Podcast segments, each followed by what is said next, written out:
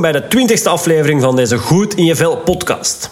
In 2013 werd ik gecontacteerd door een zekere Paul. Hij had een hartinfarct gehad en zijn cardioloog had hem gezegd: Als jij er nu niets aan gaat doen, dan kan ik u binnenkort ook niet meer helpen.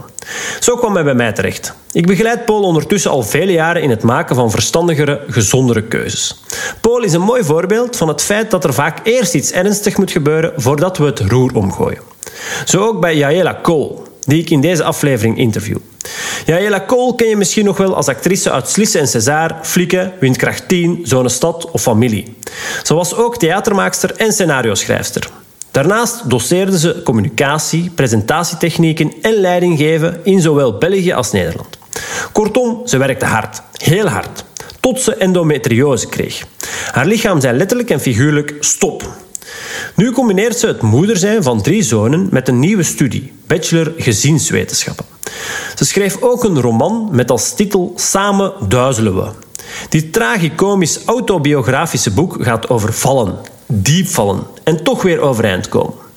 Ik mag trouwens een exemplaar van dit boek wegschenken onder de luisteraars van deze podcast. Heb jij hierin interesse? Laat dan even van je horen op wordfit.be Jaela. Dat is J-A-E-L-A. In dit interview vertelt Jaela vrijuit over haar leven. Onder andere over het feit dat anderen zeggen dat ze zachter is geworden. Ze heeft, er, ze heeft het over de watertjes die ze al heeft doorzwommen, over hoe fietsen je hart vult, dat het niet altijd snel hoeft te gaan, verantwoordelijkheid nemen over je eigen lichaam en nog veel meer interessante zaken. Ik zou zeggen, gun jezelf een momentje, neem even de tijd om dit interview te beluisteren en laat je inspireren door Jaela Kool. Ja, Jela. Um, allereerst hartelijk bedankt om even tijd voor mij vrij te maken. Uh, even vooruitspoelen om te kunnen terugkijken. Stel, je ligt op je sterfbed. Hopelijk mag je dat moment nog lang wegblijven. Maar welke dingen wil jij je dan vooral kunnen herinneren? Ik denk waar ik het meeste schrik voor heb om niet te hebben, dat dat dan mij gaat leiden naar wat ik wel wil ik denk dat als je op je sterfbed ligt en je kunt geen vrede nemen met het, met het feit dat je leven voorbij is, dat lijkt mij de hel. Mhm. Ik kan mij voorstellen, want ik ben daar al verschillende keren bij betrokken geweest, dat blijft wel uh, een gevecht, het leven loslaten. Dat is niet zo, allee, zo zachtjes sterven in je slaap, we willen dat allemaal, maar, maar ik denk wat ik mij het meeste wil, um, zijn de relaties in mijn leven. Dat zijn mijn kinderen, dat is mijn man, dat zijn mijn vrienden. Ehm, ik leef daar echt wel op. En dat is voor mij dan denk ik ook wel het feit dat die er kunnen zijn. Ik denk niet dat ik graag alleen zou sterven. Ja. Mijn grootmoeder heeft bijvoorbeeld gewacht tot wij allemaal naar huis waren. Om dan dood te gaan. Want die wou dat echt niet. En dat is raar, hè? want je wilt daar echt aan bij zijn en zo. Terwijl mijn man, zijn moeder, die heeft echt gewacht totdat hij er was. Want die had twaalf kinderen en die heeft gewacht totdat hij er was om te kunnen sterven. Dat zegt iets over hoe dat iemand is. Hè? Mhm. Dus ik denk dat ik gewoon heel graag... Ehm, wij grappen altijd tegen elkaar als ik zo ehm, een frustratie voel op werkgebied, dan denk je soms, ja, dat staat toch nooit op iemand zijn grafzerk. Had ik maar wat meer gewerkt. dus daar, daar kan ik mij dan zo wel, ja, mijn kinderen en mijn kleinkinderen en dat eigenlijk, dat ik herinnerd word als iemand die zich inzette voor relaties rondom haar. Ja. Dat is eigenlijk wat ik wil doen. Oké, mooi. Ja, ik, ik, vind, ik vind het interessant dat je dat zegt, hè, van uh, had ik maar wat meer gewerkt en dat, uh, dat, uh, dat dat niet hetgene is wat je, als je op je sterfbed ligt of, of als het einde nabij is, dat je dan dat gaat denken. Dat denk ik ook niet. Ik denk dat het... Dat wordt meer en meer de laatste tijd gezegd van oké, wat is echte rijkdom? Is dat dan inderdaad hard werken en daardoor veel geld verdienen? Of juist maar misschien wat minder werken en wat, minder, allee, wat meer vrijheid hebben bijvoorbeeld. Of wat, ehm, ja, dus ik vind het heel interessant. Ik zal er straks misschien nog even op verder gaan. Voor degenen die jou niet kennen, wie is Jaela Cole? Um, ik ben eigenlijk begonnen als actrice. Heel lang geleden. En uh, ik had dan een vast contract. Ik vond dat heel fijn. Dan ben ik daar meer en meer uh, ben ik bedrijfstheater gaan doen. Omdat je... je moet daar wel je job mee verdienen. En ik was heel jong mama, dus ik had zo niet de luxe om, ehm, om mij voor, vrij te houden voor het summum van tv-werk. Of, dat was niet. Dus ik ben heel snel ook terug gaan bijstuderen en dan meer beginnen schrijven, regisseren dan in plaats van zelf te spelen. En nu ben ik volledig naar dat schrijven gekomen. En dat is eigenlijk echt mijn ding. Ik vind, ik vind dat zo fijn om um, in mijn eigen wereld dingen te creëren. Dat vind ik veel fijner dan daarvan voorstaan, altijd maar die zenuwen te voelen en dan te zeggen: Ik ga iets spelen. Dat vond ik vroeger fijn, maar dat, dat past eigenlijk niet zo bij mij. Okay. Dus ik ben schrijver. Mm En, oké, actrice, van waar kunnen de mensen jou kennen? Um, ik ben zo wat de queen van de bijrollen geweest, denk ik. maar ik ben begonnen uh, in Slissen en César. Mm En dat was een reeks die ongelooflijk veel succes had toen. en nu de mensen die nu zo um, rond de dertig zijn of zo, die herkennen mij allemaal terug. Dat is heel raar. Dus dat was een, een reeks voor de eerste keer opgenomen met een live audience in Vlaanderen. Dat was nog nooit gebeurd. En um, wij hadden gemikt op het gemiddelde publiek, maar wat bleek dat er ongelooflijk veel kinderen naar keken. Oké. en die kinderen zijn nu volwassen. ja, ja, ja. ja. ja. Oké, ja, ik, ik, ik, ken het ook. Ja. En ik denk dat er trouwens nu uh, terug, dat het terug her, uitgezonden wordt. Hè. Elke zomer opnieuw wordt dat terug uitgezonden. Ja, Oké, maar dan is het ook logisch dat mensen jou natuurlijk blijven herkennen. Hè. Kennen is natuurlijk iets anders, maar herkennen. Um, ja, oké, dus ik zeg het, hè, kennen of herkennen. Um, de mensen zullen jou wel herkennen als ze jou zien. Um, maar met dit interview wil ik ook een beetje uh, ja, de mens achter, uh, achter het gezicht uh, wat beter leren kennen en, en daar wat dieper op ingaan. Dus lijkt me heel interessant. Oké, um, dingen creëren in je eigen wereld, zeg je. Je eigen wereld. Hoe zie jij dat dan en waarom is dat zo belangrijk voor jou? Um, ik ben vier jaar geleden heb ik een koffiezaak opengedaan. En in plaats van uh, te voelen, hoe gaat het met mij? Want ik had juist mijn eerste voorstelling geregisseerd en dat was goed ontvangen. En, en in plaats van na te denken van, oké, wat is er allemaal gebeurd en hoe wil ik verder? Dacht ik, ik doe een koffiezaak open. En dan gerenoveerd en dan ben ik ziek geworden. Maar we hebben dat dan nog een jaar gedaan, maar dan was dat echt zo de point of no return mijn lichaam heeft het echt opgegeven. Terwijl ik kan veel. Ik verbouw zelf. Ik ben sterk altijd geweest. Ik, uh, ik ben nooit moe. ik ben ook nooit ziek. Ik heb dan wel altijd migraine gehad. Maar ça va, daar kon ik mee leven. En die buikpijn die ik al van jongs af aan heb, daar kan ik allemaal mee leven. Maar ineens ging dat niet meer. Mijn lichaam zei, stop, krak, gedaan. En dan um, kon ik ook niet meer creëren. En dan heb ik plat gelegen, heel lang plat gelegen, niet kunnen stappen, niet kunnen bewegen. En dan zat mijn hoofd vol met van alle verhalen. En alles wat ik noteerde, dat trok echt op niks niet meer. Dat was zo slecht. Dat was zo... Um, ik zei dikwijls van het is alsof ik aan het zeuren ben over een ingegroeide teennagel tegen een kankerpatiënt. Het is ongepast, het is niet empathisch en waar gaat dit over? Zo daar. En dan zei mijn osteopaat op dat moment, die zei van... Misschien moet je eens beginnen schrijven vanuit een andere plaats, Jaela. En ik, van de zetel of wat? Nee, nee, nee. Misschien moet je eens gaan voelen. Mhm. En ik, maar ik voel, ik voel, ik voel te veel. nee, nee, misschien moet je echt eens gaan voelen. En dan pas beginnen schrijven. En dan begon ik te schrijven en dat was zo één um, rocktekst. Dat was niet uh, Gilles, dubbele punt, Angelique, dubbele punt. Dat was doorlopende zinnen en... En mijn man is altijd zo mijn eerste lezer en die bekeek dat en die las dat en die zei van... Ik vind het echt wel goed, maar wat is dit? En het is, het is zelfs vrolijk en grappig en het is nog nooit zo slecht met je geweest. En, en zo is dat eigenlijk gegroeid en dan ben ik mij gaan voorstellen aan een uitgeverij. Ja. En die hebben dat gelezen, die hebben direct akkoord gegeven en ik heb dat geschreven.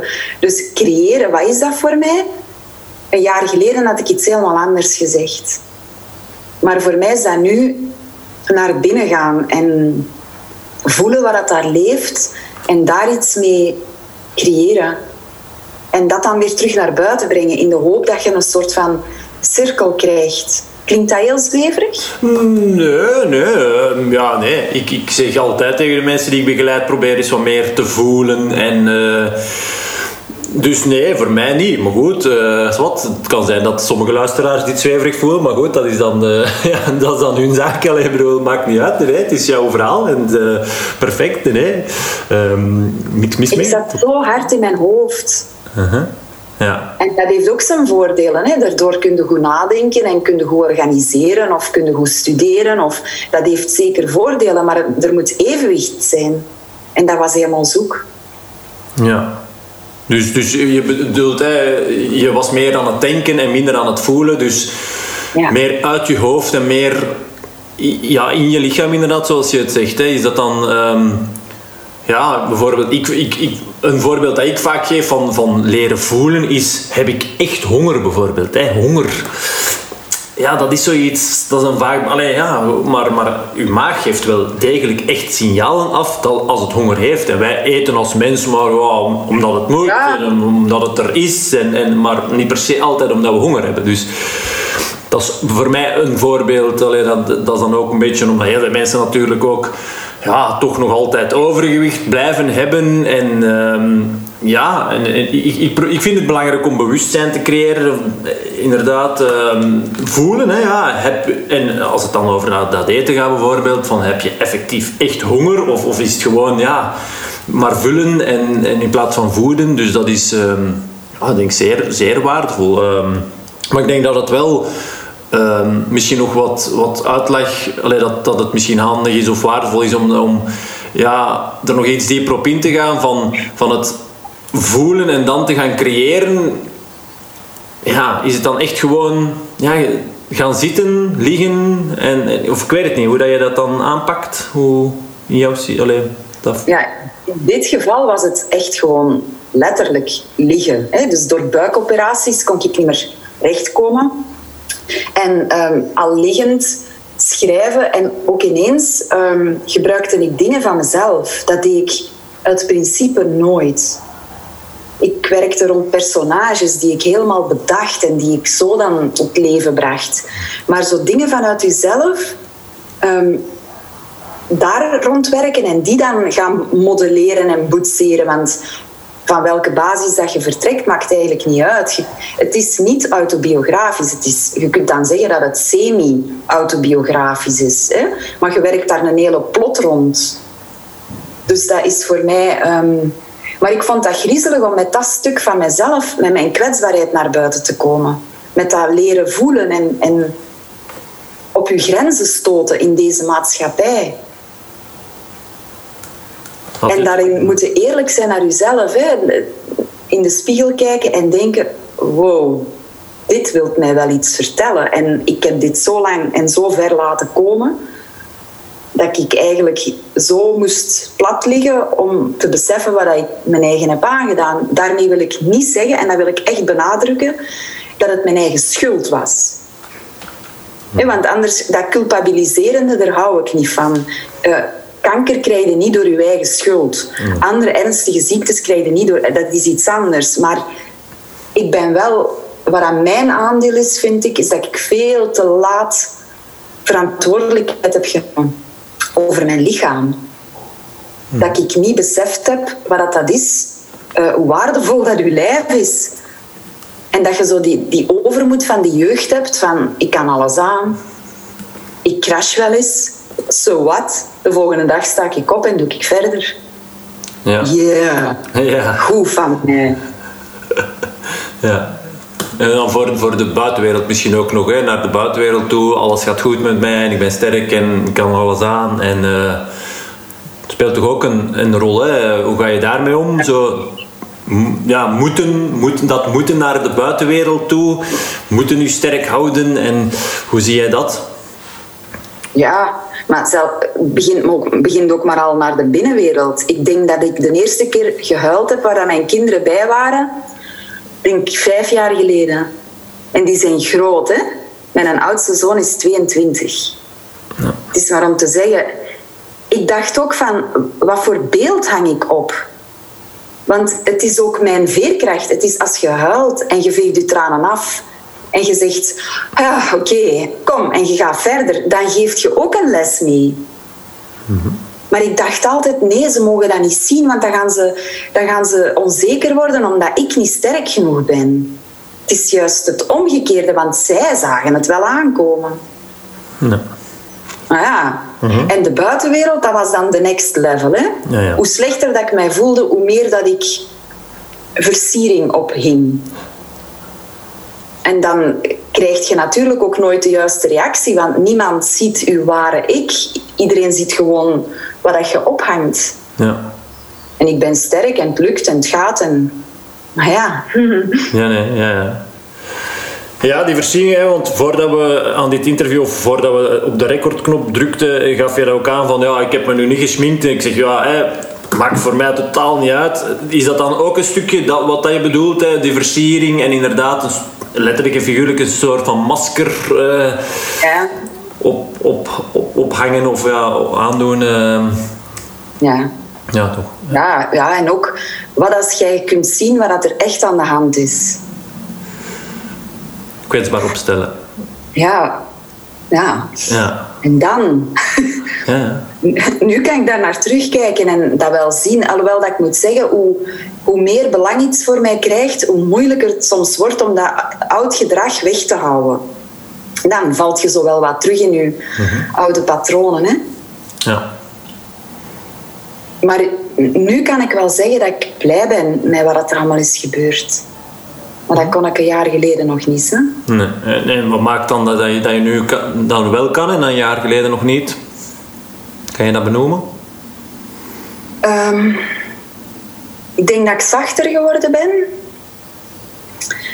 En ik krijg daar een return van. Mm ik merk dat mensen dat ook um, benoemen. En als ik huil bij iemand of zo, dan merk ik dat, dat ik niet word afgewezen, maar eigenlijk dat dat eigenlijk dat je wat meer one of the guys wordt in plaats van die dat altijd alles goed wil doen. Ja. Het is een lange weg geweest. Ja, oké. Maar goed, als je dan op kan terugkijken en ja, en je bent er niet alleen. Ik denk dat als je als mens je er nooit volledig bent. Hè. Je, je bent nooit te oud om bij te leren. Je kan alleen maar groeien. Ehm, maar goed, ik denk dat in, zoals in jouw geval, als je inderdaad uh, op dit punt nu, hè, want binnen een jaar kan het zijn dat je er weer helemaal anders op, op kijkt en, naar kijkt. Uh, dus dat kan helemaal. Maar als je op dit moment en je kan inderdaad terugkijken en, en, en, en voelen dat je ja, dat je veranderd bent, dat er dingen veranderd zijn en dat dat positief is. Dat je bijvoorbeeld, zoals je aangeeft, ik ben zachter geworden en dat wordt ook geapprecieerd door uh, mensen in mijn omgeving en zo. En, en er zijn dingen veranderd, positief. Uh, ja, dat dat gewoon heel, heel waardevol is, hè, toch? Ja, dat leuk. Ja. Ja. ja. ja. want uh, ik, ik denk dat het... Ja, hè, je zegt ik ben zachter geworden en anderen benoemen dat... Ehm, wordt, wordt ook niet, niet afgewezen daarin ehm, dat dat voor velen, voor de luisteraar, laat ons zeggen, ook echt wel heel waardevol kan zijn om dat in te zien en dat te beseffen. Dat, dat je jezelf kwetsbaar opstellen, dat dat misschien heel vies aanvoelt in het begin, maar dat dat wel heel, ehm, ja, heel waardevol kan zijn. Hè? Dat, ehm, We hebben dat gekoppeld aan falen. Hè? Ja. Dat is zo, als je ehm, emotioneel struggelt of fysiek struggelt, ja, dan faalt je. Dan kun je niet meedraaien of dan moet je naar de dokter of naar de, naar de therapeut. Of, en ja, dan zijt je defect. Ja. Terwijl ik zie het nu liever als... Uh, dat zijn eigenlijk allemaal uitnodigingen geweest voor mij om te gaan kijken naar waarom ik naar de dokter moet. En waarom ik zo in de soep draai. En dat begint bij voeding. Ik ben ook doorgeslagen in een tijd in voeding. Omdat dat gemakkelijk is. Dat kunnen we. En je kunt zeggen, um, ah, oké, ik ga wat minder dat eten. Ik ga, ik ga geen melkproducten, want dat is niet goed. Hè, want daar krijg je ontstekingen van. Hè. Zo dat, hè. En dat kun je, want dat is, dat is maar gedrag. Maar als je, naar, als je echt naar binnen moet gaan kijken en moet gaan zien van oké, wie ben ik en wa waarom draai ik in de soep? Dat heeft niks met melk te maken. En dat vond ik wel een hele moeilijke stap. dat heeft veel pijn gedaan, omdat je dan echt wel op, je, op jezelf komt. En je kunt het altijd op iemand anders steken. Hè? Op je ouders, op je slecht gelopen relaties, op je job die niet is waar het is. Dat, dat zal ook wel zo zijn, maar er zit ook een heel stuk in hoe ik ermee omging. En dat heeft wel. Ehm, en het is ook waar, wat je zegt van. Ik begin ook te beseffen dat wat wij wensen, dat is eigenlijk wat je op je sterfbed moet verkrijgen. Maar wij willen dat wel al nu. En liefst, waar kan ik dat kopen? Ja, en liefst gisteren. Ja. Allee, hè, ja. Ja, ik draai 45 jaar in de soep. Als ik u nu betaal om mij beter te maken, wilde dat dan liefst in twee maanden doen? Ja. Ja, ja. dat is heel herkenbaar, hè? Ja, inderdaad. Heel veel mensen die, die ook die bij mij komen, ja, heel veel mensen komen bij mij, ik voel me niet goed, er zit meer in, hè? ik heb weinig energie, oké, okay, met die mensen en dan zoals je aangeeft, hè, zoveel jaren doen ze bepaald ding, dingen, bepaalde dingen ja, verkeerd. Nee, wat, wat, wat in de neem, maar ik bedoel, um, of kunnen dingen beter doen en, en dan verwachten ze dat, dat jij dan tjak, mirakeloplossing aanreikt uh, en dat het uh, binnen twee maanden ineens uh, op en top goed met hen gaat en dat ze ineens elke dag uit hun bed springen en, en nooit, allez, nooit meer moe zijn en Goed, dat, dat, dat kan niet. Bedoel, dat is, maar dat, dat willen vele mensen niet horen. Hè. Ja, ik, ik, ik, zeg altijd ook, ja, dat is, hè, geduld is een mooie deugd. Maar dat is moeilijk, hè, dat is moeilijk hè, want we willen zo, zo graag en niet zo snel mogelijk. En... Maar het zit ook in je relaties. Hè? Als je de ruimte niet hebt om, um, om voor de moeilijke oplossing te gaan. Want een partner moet dat ook meedragen. Hè? En niet iedereen ziet daar het nut of ja, de winst van in op lange termijn. Want in, in de korte termijn geeft je alleen maar af.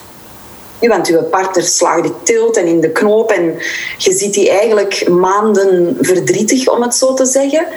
Um, op zoek. De raarste dingen komen eruit. Maar bij, je moet dat wel kunnen dragen als partner in de relatie. En dat hebben we ook niet geleerd. Ja. We hebben dat niet geleerd. Dat ziet je wel aan het aantal echtscheidingen dat er zijn. Ja, zwaar. Ja. Ook heel vaak, uh, we zwijgen er maar over. Dan, dat is bij mij ook voor een groot stuk zo geweest in mijn opvoeding. Ja, we zwijgen erover, we gaan slapen en morgen is, is, is het opgelost, dan is, is het weg. Hè. maar dat is dus niet, niet zo. Hè. Nee. Uh, nee, maar dat, dat is waar. Dat krijgen wij voor een groot stuk met de paplepel uh, mee. Ja, ja dat is waar. Zeg, jij zei er straks hè, van, van want dat weten de mensen misschien niet. Je hebt, je hebt dus echt gewoon plat gelegen. Um, ja. Wat, wat was de oorzaak en kan je daar misschien ook uh, kort, misschien vind je het niet leuk om erover te vertellen, ik weet het niet, maar goed, um, kan je daar... Wel, ja, ik, ik ben altijd zo um, wat bezorgd over, dat is nog. Ik had gewoon heel veel bloedingen als vrouw. En dat stopte niet meer. En natuurlijk, als je zoveel bloedt, begint je heel vermoeid te worden en al die andere dingen. En dan uh, hadden ze besloten om uh, mijn baarmoeder te, verwijderen. Maar dan ging het eigenlijk alleen maar erger. Daarna, het werd, ik had nog meer buikpijn, slepen met mijn been. Um, ik heb echt heel veel pijn gehad. En dat is ook wel dat is ook een, een ander aspect.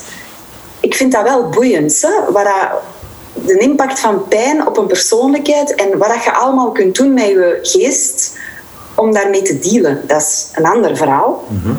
Maar ehm, dan hebben ze mij terug moeten opereren en dan bleek ik endometriose te hebben. Nu, dat heb je eigenlijk al vanaf de eerste keer dat je... Dat begint te ontstaan de eerste keer dat je menstrueert. En als jong meisje was dat bij mij de hel, menstrueren. Mijn vriendinnen die hadden dat drie dagen. En die, woehoe, die deden mee volleybal. En ik, ehm, de eerste twee dagen van mijn regels, dat was in mijn bed. Maar dan gaat je naar de huisarts en die zegt dan... Ja, ja, dat, dat hoort bij het vrouw zijn. Hè. Uh, ja, ja, allee, uh, een pijnstiller en verder. En zo is dat eigenlijk gegroeid. En nu nog... Um, nu moet ik nog één keer geopereerd worden en dan hoop ik dat ik aan het einde van de strijd zit. Zo'n label krijgen, dat doet wel deugd. Mhm. Omdat je dan weet, ah oké, er is wel degelijk iets aan de hand. Het zit niet alleen in mijn hoofd. Maar wat ik er juist al vertelde, dat is niet helemaal waar. Want ik had eigenlijk ook kunnen zeggen, sorry, maar deze pijn, dat klopt niet. Ik moet hier niet mee leven. Ja.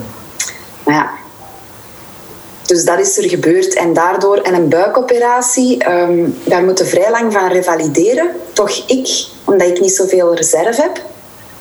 En dat is ook wel heftig als je in een huis woont met uh, vier mannen. Om zo een vrouw die dan naar de wc moet gebracht worden en zo. En oeh, maar ik vind dat dat wel nodig is. Want ja, van wie gaan ze het anders leren? Ja. Geen zus of zo. Hè, of, uh... Ja, dat is er gebeurd. Ja. Dus je hebt uh, een man en drie zonen. Ja. Ja. Ja. Oké. als, uh, ja, als enige vrouw in huis, ja. Is dat, hoe zie je dat? Hoe voel je dat? Ja, Oké, je bent de mama natuurlijk van de drie zonen.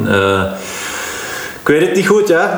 is dat is dat moeilijk? Is dat, is, heb je een gemis van geen dochter te hebben? Of, of heb je daar vrede mee? Of, ik, weet het niet. ik heb daar ook vrede mee, maar ik heb dat zeker gemist. En ik mis dat eigenlijk pas de laatste jaren. Als die klein zijn, oh amai, ik was, dat was fantastisch als mama van jongens. Die, die, je zet die een godin, hè? Ja. ja, die hangen op u. En, en oh, ik, ik ben doodgeknuffeld. Ik heb zoveel liefde gekregen van mijn kinderen. Dus ik vind dat, vond dat heel fijn. Maar dan merk je dat die je moeten onttronen. Want er moet ruimte komen in die hart voor de nieuwe prinses. En dat moet ook zo zijn. Allee, ik wil niet de moeder zijn die... Maar je voelt dat die dan zo beginnen afstand te nemen. En dan draaien die zich zo meer naar mijn man. En nu komen die nog wel naar mij voor zo uh, een cadeautje voor een lief. Of als ze zo mij iets aan... Of zo van, mama, um, die, die broek. Ja. zo kleding en dat soort dingen. Um, en de lieve die nu beginnen te komen, dat vind ik heel fijn. Ik vind dat echt heel fijn. Ik ben daar heel blij mee. Dat ik, dat ik dan eigenlijk uiteindelijk hopelijk...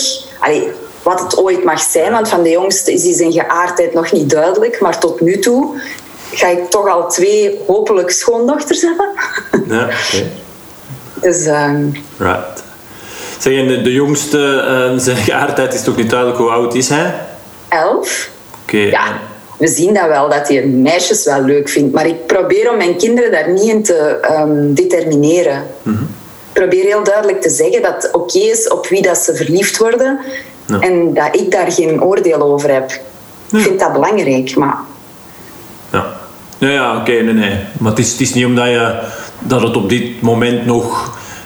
Dat hij ouder is en dat hij al wel eens uh, iets gevoeld heeft voor een jongen en dan voor een meisje, dat, dat, dat, dat je daar nog wat twijfelt. Nee, nee. Het is gewoon omdat hij nog zo jong is, dat het nog niet, uh, niet echt uit... Allee, ja, het moet nog, moet nog groeien. Laat ons... Allee, moet, ja, ja, ja, het moet nog groeien, maar ik vind dat wel een belangrijke of zo, dat je dat niet te hard vastlegt. En mijn tweede zoon bijvoorbeeld, die heeft uh, toch denk ik twee, drie jaar intensief met de poppen gespeeld.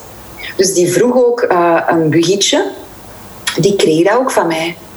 En ik vind dat, dat is gewoon overgegaan. Maar ik vind dat wel vond dat toen al belangrijk om dat te doen, nog voordat wij allemaal bewust zijn gemaakt geweest van dat non-binaire of van geaardheid en gevoeligheden en zo.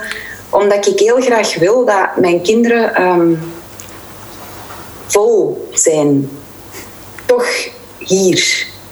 Ja. En dat, het leven zal hun al boksen genoeg geven en zo. Maar dat het oké is dat ze zijn wie dat ze zijn. Ja. Met al hun eigenaardigheden. Ja, ja, mooi. eh, ja, dat, is, dat is een mooie, mooie gedachte inderdaad. Hè, dat ze kunnen zijn wie dat ze zijn. En het is, ehm, ja, we zitten zo vaak in, in die hokjes, of toch heel veel mensen. Ik vind dat nu ook. Hè, wij, wij hebben een dochtertje van, van drie. En dan, dan hoor ik mezelf soms, of, of, of, of mijn vrouw Veronique, soms zeggen van... Ja, hè, kies later maar eh, een, een, goede man die lief voor u is of zoiets. En dan zo met dat we dat dan zeggen, dan, dan zeggen we er soms bij. Of een vrouw, als dat dan... ook al is iemand drie, maar, maar goed, je zet zo gewoon van... Ja, hè, allee, wat, eh, als het dan is gaat van... van Papa is toch een lieve, pak jij later ook maar een lieve. Zie maar dat je een lieve man kiest of zoiets. En dan zie je alleen al maar door dat te zeggen, stuur je ze eigenlijk al naar je moet een man pakken. Terwijl, nee. En dus ja, wij zijn daar toch ook wel ergens mee bezig om. eh, ja, om dat dan gewoon ook even te verwoorden. En voor haar gaat dat waarschijnlijk pff, er gewoon mee door. Allee, bedoel, of een vrouw, bedoel, dat is, eh, ze, weet, ze denkt totaal nog niet na over partners en liefjes. En allee, bedoel, dat is op deze moment nog niet aan de orde. Maar goed, gewoon door het wel even te zeggen en even te benoemen Ja. en de ruimte te laten. Ik denk dat dat inderdaad wel, eh, ja, wel waardevol is om, eh, ja, om de ik denk dat dat ook is wat jij nu juist zegt. Wij doen dat ook zelden uit slechte intentie. Dat is gewoon... Soms zeggen we... Allee, dat is gewoon hoe dat wij ge, ge- gewired zijn. Ja, en voorgeprogrammeerd en, en gewoon, ja. Ja. ja. ja. Zeker, ja, ja. Oké, ehm, zeg, je hebt, ehm, hè, want je hebt er net al gezegd dat je, ehm, ja, dat je nu vooral een, een schrijver bent. Hè, dat, dat, dat, eh, dus, ehm, en je hebt een boek geschreven, Samen duizelen we. Juist. Ehm, als, ik, als ik het van jouw eh, uitgeverij, een, tragi, een tragicomische roman over vallen, diep vallen en weer overeind komen. Ja. En je hebt er straks al gezegd, het is niet volledig eh, biografisch, semi misschien wel. Dus dat, eh, je hebt dat er straks al even benoemd, dat er bepaalde dingen zeker wel vanuit jouw voelen en van wie ben ik, dat dat daarin ehm, in verwerkt wordt. Maar kan je daar nog, nog net iets meer eh, over vertellen, over, over jouw boek en het waarom van... Ja, voor mij is dat medische verhaal is eigenlijk, ehm, dat is hetgeen wat dat waar was. Hè, omdat ik dat belangrijk vond, omdat het een vrouwenziekte is die veel te weinig aandacht krijgt en waar dat echt naar moest gekeken worden. Dus dat heb ik authentiek gehouden. Ook hoe dat ehm, gynaecologische onderzoeken gebeurden en zo. Ja, ja. Ik er zit heel veel humor in. Hè? Ik, bedoel, ik heb daar echt... Ik heb ook heel vaak echt strijk gelegen hè? eh, met mijn gynaecoloog. Hè? maar het, is, het blijft wel een heel raar gegeven. Dat, maar dan, waar het vooral ook rond draait, vind ik heel mooi, is dat een moeder en een zoon eh, simultaan vallen. De zoon valt echt en de moeder valt symbolisch om. En hoe dat die twee ehm, opgroeien terug en rechtkomen, elk op een, vanuit een eigen wereld, de puberwereld, het conflict ouders en pubers, de seksualiteit die er heel tussen begint te komen. Ehm, eh, ook het, eh, het gegeven van die jongen in het boek heeft een liefje wat het kind is, de dupe is van co-ouderschap. Dus eh, vechtouders. Ja. En de, de impact daarvan op jongeren. Mijn ouders, ik was een van de eerste wiens ouders gescheiden waren. En dan begint je dat te zien. En steeds meer, eh, bijvoorbeeld omdat ik dat nu ook studeer, ehm, kom- komen die effecten van echtscheiding naar boven. En dan vooral hoe graag dat we willen dat het co-ouderschap is en dat we blijven babbelen met elkaar. Maar dat is niet, hè. Dat, dat, dat is ontzettend moeilijk om, om dat wel goed geregeld te krijgen. En dat dat dan, welke impact dat, dat op jongeren heeft en dat dat dan van een slachtoffer een dader kan maken. Die verhaallijn heb ik eigenlijk willen uitschrijven. Dat dat eigenlijk... ehm, In psychotherapie komt dat heel veel naar boven. Dat dat vaak een van de eerste dingen is die mensen zeggen. Mijn ouders zijn gescheiden toen ik zeven was. Mijn ouders zijn gescheiden toen ik acht was. Ja, ja, ja. Ik, eh, ik zit in dezelfde situatie. ja, ja, toen ik zeven was. En inderdaad, voor mij, dat komt ook in mijn boek bijvoorbeeld wel heel hard naar voren, dat, het, eh, ja, dat ik me heel lang onzeker heb gevoeld. En inderdaad, uh, ik ben wel gaan graven, wat niet altijd gemakkelijk is, gaan voelen. Hoe komt dat nu? Hè? En uh, wat, wat, is die oorzaak? En voor mij, ik, ik heb in mezelf in mijn hoofd gestoken dat ik niet goed genoeg was, want anders zou mijn vader ons toch niet verlaten. Uh, dus, dus ja, voor mij is dat uh, heel herkenbaar. Um, maar het, durven voelen, wat we er straks al even benoemden, en durven gaan graven en wat, waar, wat, waar ligt die oorzaak en, en goed, dat is niet altijd simpel. Ja, dat is voor velen niet gemakkelijk. Um, ja, dat. Nee, nee. En ook, ik vind zo dat gezeul met die kinderen en, en hoeveel kinderen er wachten op hun ouders die niet komen. Die, als je om de twee weken een regeling hebt en hoeveel kinderen dat er zitten te wachten en dat papa dan niet komt. Ja. En welk effect dat, dat heeft. En waar jij nu maar een, even dat stopje van een ijsberg, hè, ik ben niet goed genoeg. Mhm. Maar welke effecten dat, dat later in dat relationeel leven heeft, als je daar niet aan werkt. En dat is wat je begint te zien. Die jongeren nu, zo de adolescenten, waar moeten die dat geleerd hebben? Hoe doet je water in je wijn? In een relatie. Ja. Dat is zo'n onderhandelingsprincipe geworden, een relatie. Je gaat bijna meten wat geeft een andere en oh, oh, oh, als die een tijd niet genoeg teruggeeft, ja, ja het werkt niet meer, hè? ja, het werkt niet meer. En dan denk ik, en dan worden maar verliefd op iemand anders. Heel gemakkelijk is dat. Maar er wordt ook niet meer geleerd de grens tussen wanneer is het echt tijd om een relatie op te geven. Want je gaat mij nooit horen pleiten over dat je in een relatie moet blijven die je kapot maakt. Hè? Dat is iets heel anders. Maar ik denk wel dat er dat heel veel relaties dat het misschien toch anders had kunnen lopen. Zeker, ja. En, met wat begeleiding of met wat hoop. Dat, dat dingen op termijn zich ook wel kunnen goed trekken. En dat je door zoveel evoluties gaat als koppel. Een kind krijgen dat is al de eerste storm die u van uw sokken blaast. Niemand vertelt u dat. Ja, een beetje. Jij denkt hè, dat je je oud leven gaat terugkrijgen. je krijgt een heel nieuw. Uh, ja, oké, dat is waar, maar hoe doe je dat dan? Ja. En waar blijft uw relatie en hoe doe je dat allemaal? En al die elementen van aandacht voor elkaar dat je moet delen met een kind. Mhm.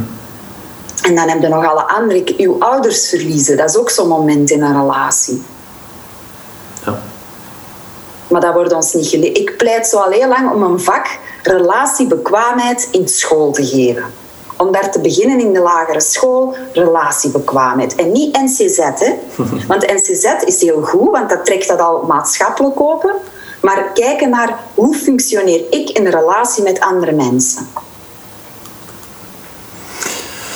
Dat is een goed, uh, goed idee, denk ik, inderdaad, om dat in het onderwijs... Uh, maar ja, goed, dat is... Dat is uh, ja, mooi streven, denk ik. Allee, als, jij dat, eh, als jij dat echt voelt, dan, dan denk ik... gaan, doen, proberen, blijven sleuren. want dat, dat zal er niet zomaar direct komen, maar... maar ehm, Ik denk het niet, want hoe gaat het daar op punten zetten? Ja, moeilijk. Ja, goed. Nee, dat is waar, dat is waar. Maar dat mag dan ook weer al niet de reden zijn om het niet te doen, denk ik dan, toch? Ja, nee. Allee, maar, maar uh, je zegt daarnet van, um, ook omdat ik het aan het studeren ben, dus je bent op dit moment aan het verder studeren. Ja. Vertel.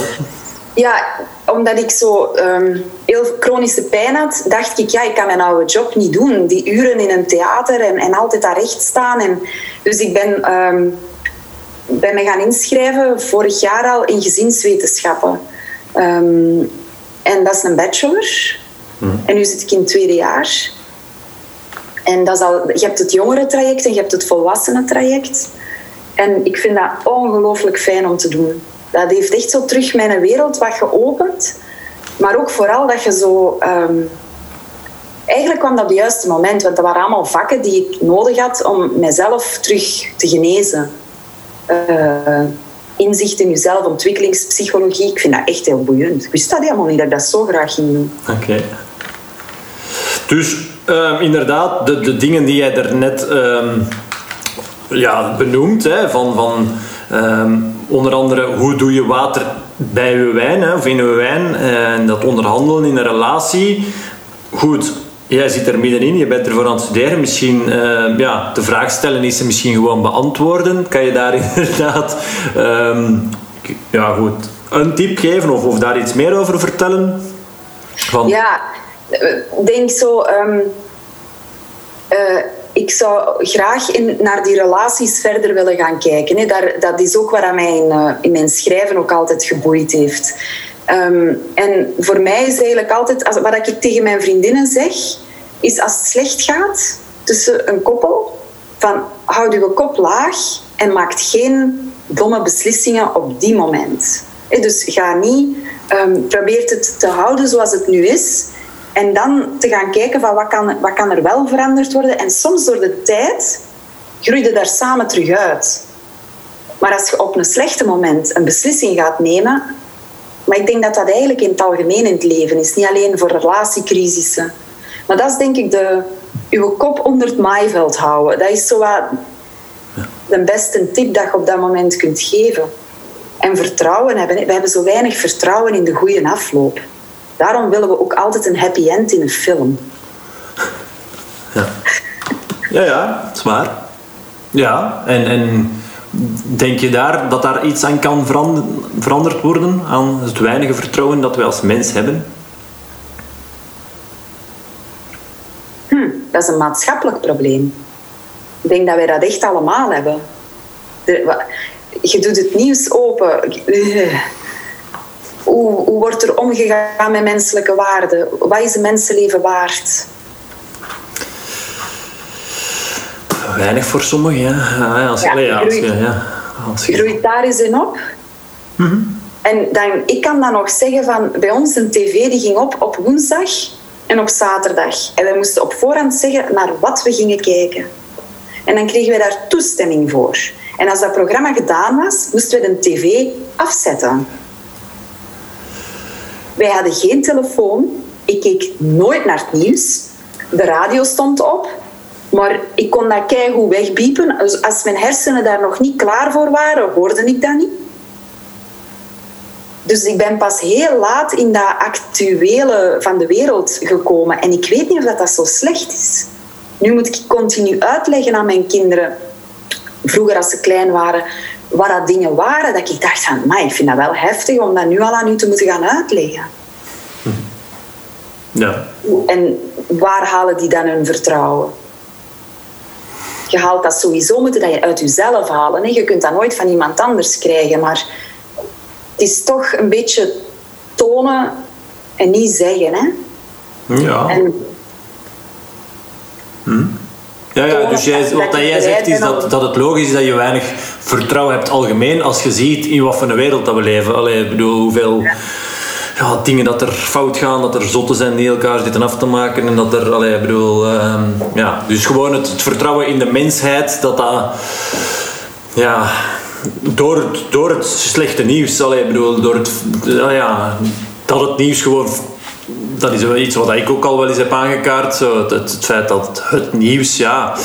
Ik, ik zou heel graag een, eh, een, een, goed nieuwsshow of zo maken hè, over tv of zo. Een tegenhanger van het, van, het slechte, van het nieuws, maar het slechte nieuws. Want, want dat is het inderdaad vaak. Ehm, ja, ja het, zeggen. En, ehm, maar dan, oké, het moet vanuit jezelf komen. dus je zegt, oké, dat, dat, dat snap ik ook wel het wereldbeeld, dat dat maakt dat het moeilijker is om, om eh, met, met vertrouwen door het leven te gaan. Maar dan, het komt ook vanuit jezelf. Zeg je net? Ja, ik denk dat onze generatie dat dan net iets beter doet naar de kinderen toe. Wij proberen wel allemaal, wat jij ook zegt, heel bewust uw kind te laten zijn wie dat is. Ik merk rondom mij eigenlijk alleen maar mijn, mijn vrienden, ehm, ouders op school, die doen echt hun best om het anders te doen, om hun kind dat vertrouwen te geven. Hè. Dus ehm, dat is wel, vind ik, al ehm, een stuk aan het veranderen. maar ik zelf kan het nog niet. En soms is het ook wel, kinderen pakken ook wel, zeker als je ze draagt in je, in je lichaam, maar ook daarna, die pakken ook gewoon uw patronen over. Hè? Dus je moet ook wel een stuk, vind ik zelf, je opkuiswerk doen. En dan moet je ook naar, gaan naar jezelf beginnen kijken van waar haal ik mijn vertrouwen en hoe komt het dat dat zo laag is.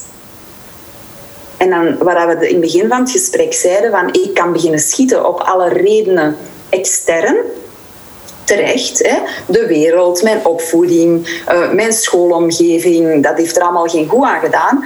Maar ik heb het ook niet op tijd opgepakt. En soms zit dat we gaan dan het zo verkeerd doen. We gaan dan zo aan ons lijf zitten werken. En, en in, in, Amerika is dat zelfs nog extremer. Om, en dan denken we dat we wel dat gevoel van binnen gaan hebben, dat we vertrouwen hebben in onszelf. Maar dat is niet, hè? Nee, nee, nee. Je mag de perfecte borsten hebben en het mooiste gezicht hebben. Ja opgespoten lippen en een botox en uh, inderdaad uh, nieuwe voorgevel. Ja, nu even. ja, dat, dat is. Niet, niet, uh, niet, niet respectvol, dat zeggen. Maar ja, nee, nee. Ja, zwaar, ja. ja. Dus... En ik, ik ga, allez, probeer dat echt niet te veroordelen, want ik kan mij voorstellen dat soms een bepaald stuk van je lichaam echt tot zeer diep verdriet kan leiden. Hè? Wie ben ik om daar dan over te spreken? Maar ik denk dat het en-en is. Ja er is geen, geen, fix, geen snelle fix voor um, dat je je niet goed genoeg voelt. Of dat je niet voldoet. Of dat je voor jezelf al in de eerste plaats niet voldoet. Ja, ja, ook zo bijvoorbeeld uh, net iets meer wegen dan de standaard uh, Instagram uh, mm. chic, bij, allee, om het even zo te noemen. Um, ja, ook dat, dat, daar word ik in de, in de praktijk heel vaak mee geconfronteerd. Mensen die denken dat ze zich veel beter gaan voelen, meer zelfvertrouwen gaan hebben als ze dan x aantal kilo's afvallen. Terwijl als ik dan de vraag stel, wat zou er dan veranderen in jouw leven? Mm, kunnen ze zich daar, of, of wat zou er beter gaan? Of, of kunnen ze daar weinig of geen antwoorden op geven? Dus ook dat, ja, dat is niet altijd een één op één verhaal. Hè. Het is niet omdat je inderdaad uh, voldoet aan wat dan misschien de, de massamedia voorschrijft of, of laat zien dat dat de norm moet zijn of is, dat je daarom dan ja, beter voelt en meer vertrouwen hebt. Hè. Daar kan ik nu eens zeer bevestigend op antwoorden. Ik ben zo dun op het moment en en ik dacht dat, dat dat is altijd een betrachting geweest in mijn leven. Heeft dat iets veranderd? Dat heeft niks veranderd. Ik weeg 51 kilo, ik ben een meter 70. Dat is nu niet...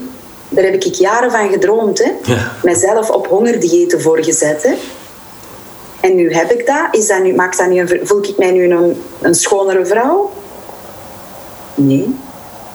Ben ik nu Word ik nu meer gezien op straat? Nee. nee. Het erge is, ze konden dat zeggen, hè, maar je hoort dat niet. Het, is, het zit in zo... Trouwens, als ik mooie vrouwen zie voorbij lopen, hè, ik denk nooit, amai, die er lijf. Ik vind dat, soms vind je dat gewoon een keischoon vrouw. Punt. Mm Of dat hij nu ja, is, dan ja, ja, een keischoon vrouw. Ja, ja. Ja, zeker en vast. Ja. Dat is, uh, ik denk dat het echt heel, heel waardevol is om, om dat in te zien dat het niet altijd, ja, dat het feit dat je mager bent, dat je daarom goed voelt, dat je daarom gezond bent. Want jouw situatie is eigenlijk ook uh, daar een, een, een, mooi voorbeeld van. Jij bent waarschijnlijk net zo mager geworden door jouw ziekten en door, door, door uh, de operaties en, en door... Dus uh, ja, ik denk dat dat heel, ja, heel waardevol is. Zeg, je, je geeft ook net aan allerlei diëten gedaan hè, en dan... Um, geloof, dat gaf je er straks al aan, geloven dat dat ene voedingsmiddel uh, laten of net gaan, gaan nemen, dat dat dan de dingen is. Hoe, hoe ga jij op dit moment uh, om met, met voeding? Uh, ja, wat eet je wel niet of, of eet je net? Ik ben echt, ik, ik ben daar heel, uh, dat is echt mijn hart opentrekken nu, hè, dat ik, wat ik nu ga doen. Hè. Dat is altijd moeilijk geweest voor mij, een voeding. Hè. Dat is eigenlijk altijd op het randje van een storm gebalanceerd vroeger. En um, als het beter ging met mij, ging dat ook beter met mijn voeding. Ik heb wel altijd het genot van voeding gehad. Zo dat echt kunnen ehm, waarderen. En ik kook ontzettend graag en zo. Maar ik ben altijd zo wat doorgeschoten. Ik ben tien jaar vegetarisch geweest bijvoorbeeld. Um, totdat de kippenvleugeltjes in mijn dromen voorbij kwamen toen ik zwanger was. en een vriendin van mij voor mijn ogen kippenvleugeltjes aan het eten was. En dat hij op een gegeven moment zei... Ja, Hela, wilde nu alsjeblieft mij een plezier doen en steek er één in uw mond. Dit is niet meer leuk.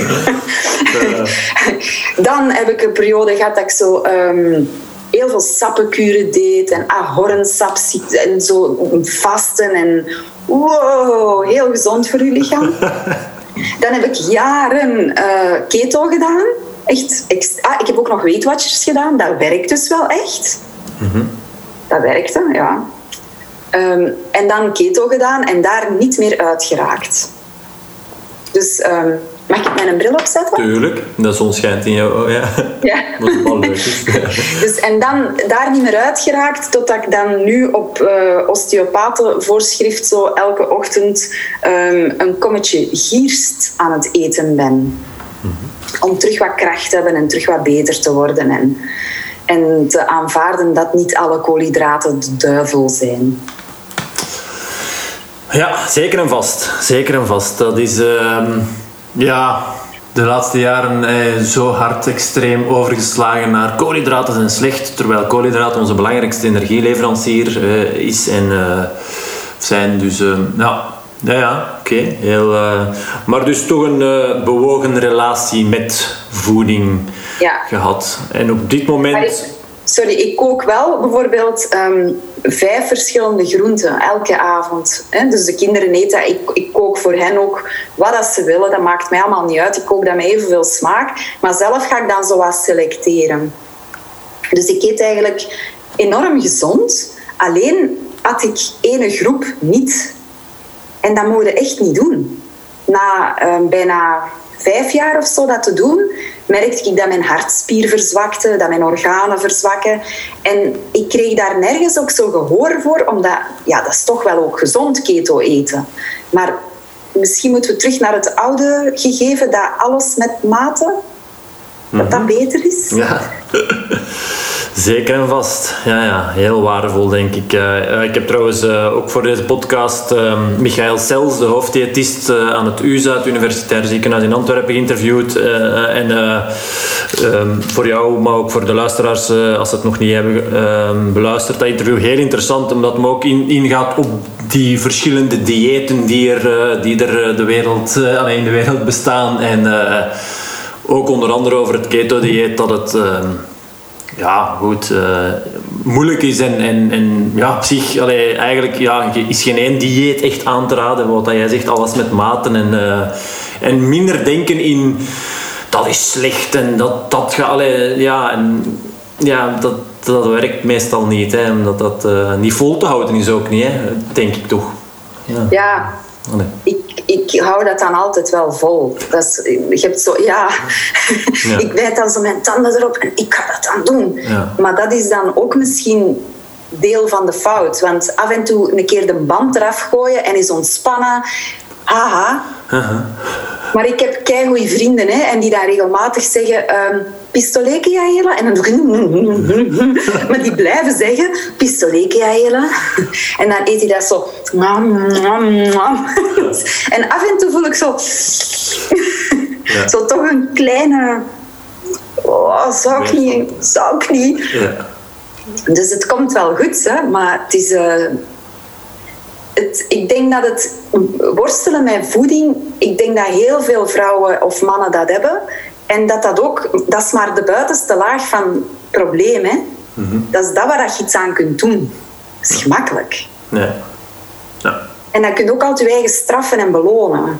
Want, oh nee, ik ben weer hervallen. En oh, wow. Dat, is, dat is bijna drugs, jong. Ja, ja nee, dat is ook, hè. Ja. Ja, interessant denk ik, hè, dat je, als je het zo uh, ziet, dat, jezelf straffen en belonen, dan is het maar de vraag of dat, dat dan ja, de bedoeling moet zijn of kan zijn. Hè? Om, om jezelf constant ja, inderdaad, te, te belonen met, met voeding en, en dan weer, ik heb het niet goed gedaan, ja, dan ga ik maar weer al niet, of, of ik ben wel wat bijgekomen, dan ga ik weer al die dingen niet eten en uh, ja. Oké. Dus je hebt een, eh, een bewogen parcours, uh, een bewogen relatie afgelopen in je leven al met, met, uh, met voeding gehad. Hoe, hoe ga je om of hoe ben je in je leven met, met, het, met een ander belangrijk aspect in, in een fitte levensstijl, beweging? Mm Ja, ik, ben, um, ik heb zwemcompetitie gedaan als ik jong was. En wij woonden in een wijk waarin dat wij um, non-stop bewogen. Hè. Dus wij deden um, baseball, maar wij deden dat gewoon in ons wijk. Wij deden allerlei... Dus ik ben eigenlijk een loper van nature geweest altijd. Um, maar ik vond dat wel fijn, omdat dat in spelvorm lopen is. Dus je bent, je bent zowel explosief als wat op de langere termijn. Maar ook, ik woonde op het einde van de week, dus ik moest ook altijd dat stuk naar huis lopen om te kunnen plassen. Dus je leert spurten, je leert al die vaardigheden. En dan ging ik naar de toneelschool. Dan kregen wij nog in het oude systeem, ik denk, ja, niet vijf uur beweging per dag. Alle vormen van dans, alle vormen van uh, acrobatie zat erbij, schermen zat erbij. Dus ik ben echt zo moeten open ploffen in mijn hoofd om te leren dansen, omdat ik sportspieren had. En dat, uh, dat beviel mij enorm. Ik deed dat heel graag, maar dan merkte wel dat bijvoorbeeld uw hamstrings, om die echt zo lang te rekken zoals bij een balletdanseres, moeilijk. Dat is moeilijk geweest. Ik ben blijven sporten. Um, diepzeeduiken ook gedaan, vind ik ook een sport trouwens. Um, en dan tot in mijn extreme hoogtepunt ben ik zo Bikram yoga gaan doen. Um, achteraf gezien is dat weer hetzelfde voor mij. Dat is, je voelt gewoon je pijn niet, omdat je in die hitte zit. Dus je kunt dubbel plooien. Je kunt alle dingen doen die je wilt doen. Maar ik hield daar blessures aan over, omdat ik gewoon, ik ken die grens niet. Dat is goed voor mensen die hun grenzen kennen. Ja. En die echt zo getraind en gesport zijn dat die, um, dat die hun lichaam, dat, die dat, dat dat deugt doen voor die lichaam. Ja. En dan blijven, blijven lopen. Heel lang gelopen totdat ik eigenlijk ziek ben geworden. Zo drie keer per week, tien kilometer gelopen. Deed dat graag. Dat, dat was goed voor mijn hoofd. En, en ook zo in de natuur, ik vind dat fijn. Dan worden zo wat één, hè. En nu, um, nu zou ik eigenlijk terug iets moeten beginnen oppakken, maar ik durf nog niet goed. Er zit zo nog wat angst op. Oké. Okay. En dus die angst uh, terecht, allee, ik, allee, zonder, maar, maar hoe, wat zegt bijvoorbeeld jouw specialist, dokter, allee, of, hè? Ja, zolang dat ik nog één keer moet geopereerd worden, misschien ja, ja. gewoon wandelen. Hè? Zo wandelen in je eigen tempo. Um, dat, dat, heb ik ook heel lang niet gekunnen. Ik kon zo hier buiten en dan het hoekje van de straat en terug. Dat was mijn beweging. Um, ik kan me dat op dit moment niet voorstellen dat ik ooit nog eens ga lopen of dansen. Dat is natuurlijk ook een stuk door corona, maar ik kan me dat gewoon, dat mijn lichaam dat ooit terug kan, dat zou ik fantastisch vinden. Ik mis dat heel hard. Voor mij is beweging echt een stuk van mijn mentale gezondheid. Ja. Dus toch wel de moeite waard om ja, om dat in je achterhoofd te houden van oké, okay, het is echt inderdaad een stuk van mijn, van mijn gezondheid, mentale gezondheid ook. Um, dus ja, hoe, um, hoe moeilijk ook, maar, maar um, wel waardevol denk ik om dat in je achterhoofd te, te, houden en daar dan voor te durven en blijven gaan. Ja, dat, dat je daar toch ooit toch terug aan toe kunt komen. Ja, ik denk, ja. dat wens ik jou in ieder geval toe. En dat, allee. Maar mijn kinderen bijvoorbeeld, die maken in huis en in de tuin tijdens de corona maken die zo'n heel um, circuit. Hè? Dus, en die hebben allerlei rekkers gevonden en rubberen banden en, om, om zich te trainen. Die zijn daar heel hard mee bezig. Um, die vinden dat ook heel erg dat die niet kunnen sporten. Zo in de fitness en zo. En, dat zo. en die doen meer dan... Allee, dat is niet om hem Hè? Want je hebt zo de pompertjes. Ja, ja. Het is zo, dus ik ben wel blij dat die dat ook wel doen. Maar bijvoorbeeld naar wandelen toe, dat heb ik heel lang niet graag gedaan. Ik vond dat te saai. Mm -hmm. maar eigenlijk vind ik dat daar ook veel meer moet gezegd worden. Zeker tijdens corona. Zeker met al die depressies. Dat mensen moeten gaan wandelen. Dat is zo goed voor je hoofd. Zeker. En uw lichaam en uw ademhaling en uw organen komen in beweging en uw bloed begint terug te stromen. Je krijgt ook ideeën en input als je wandelt. Ja. Ja, ja, helemaal akkoord. Ik hoor het jou graag zeggen. Ik bedoel, uh, ja, ja, ik heb, uh, ik heb recent nog een, uh, een klein e-boekje gemaakt, Wandel je fit, over niet alleen het feit dat dat, dat goed is voor, voor je lichaam, maar ook gewoon voor je geest. Effectief, wat dat je zegt, kan het alleen maar beamen. Ook inderdaad in de natuur zijn. Het is, ja, het, is, kan heel veel geven en het is heel laagdrempelig. Het kan gewoon voor, voor bijna iedereen of kan, eh, kan het uh, gaan doen. Dus uh, ja, en, en doe je, want eh, oké, je zegt ik zou eigenlijk dringend toch, of ik zou het graag doen, terug wat meer gaan bewegen. Wandel je dan op dit moment? Ja, zo um, wel in gezelschap. Ik heb altijd wel iemand nodig die mij eruit komt trekken, of ik die dan vraag aan iemand anders gaan we wandelen. En dan wandelen wij wel. En ik probeer nu zo wel wat zo naar die 10.000 stappen maar ik wil ook niet er zo streng in zijn. Dus als ik dat dan niet haal, dan is dat ook goed. Dat kan ik nu zo. Dan voel ik, aha, er is toch iets aan het veranderen. Ja. Dat is zo niet een of andere vakje dat moet gecheckt worden. Dat is hier eigenlijk iets waar mij, ja oké, okay, al is het maar dat ik hier rond een blok ga, dan heb ik ook weer eens gewandeld. Ja. Maar met twee, hè, zo met een vriendin gaan wandelen, dat doe ik wel nu. Ja, anders worden ze zot, joh. Ja, ja, ja, ja zeker en vast. Ja, ja. Ja, nee, nee, goed. Ja, misschien dat, wat dan nog leuk kan zijn, is om, om uh, als je dat toch, want goed, je hebt misschien niet altijd een vriendin die kan. Uh, dat je misschien wel, wel alleen gaat wandelen, maar dat je dan bijvoorbeeld uh, ja, een podcast luistert, uh, dat je misschien, ik weet niet, ja. online, um, ja, je bent aan het studeren, misschien zijn er ook bepaalde video's die worden gedeeld, omdat nu ook corona en zo, dat, dat merk ik. Ik ben zelf ook nog uh, eh, altijd bijstuderen, nooit oud om, om bij te leren, aan, aan het bijstuderen. En ik heb heel veel video's in, in, uh, in, uh, die ik kan bekijken en kan beluisteren, maar eigenlijk vooral beluisteren. En dat doe ik dan wel soms wel als ik een toertje ga lopen. Maar ook als ik ga wandelen, ja, oortjes in mijn, uh, in mijn oren en dan uh, ja, podcast luisteren of, uh, of lessen die, die ik dan ter beschikking heb. en dat werkt alleen ja, voor mijzelf. Ehm, ja, en, en het, ik kijk ro rond en zie spelletje. Um, zo op zoek gaan naar dingen die je niet zou zien als je er voorbij zou rijden met een auto. Snap je? Dus, dus zo.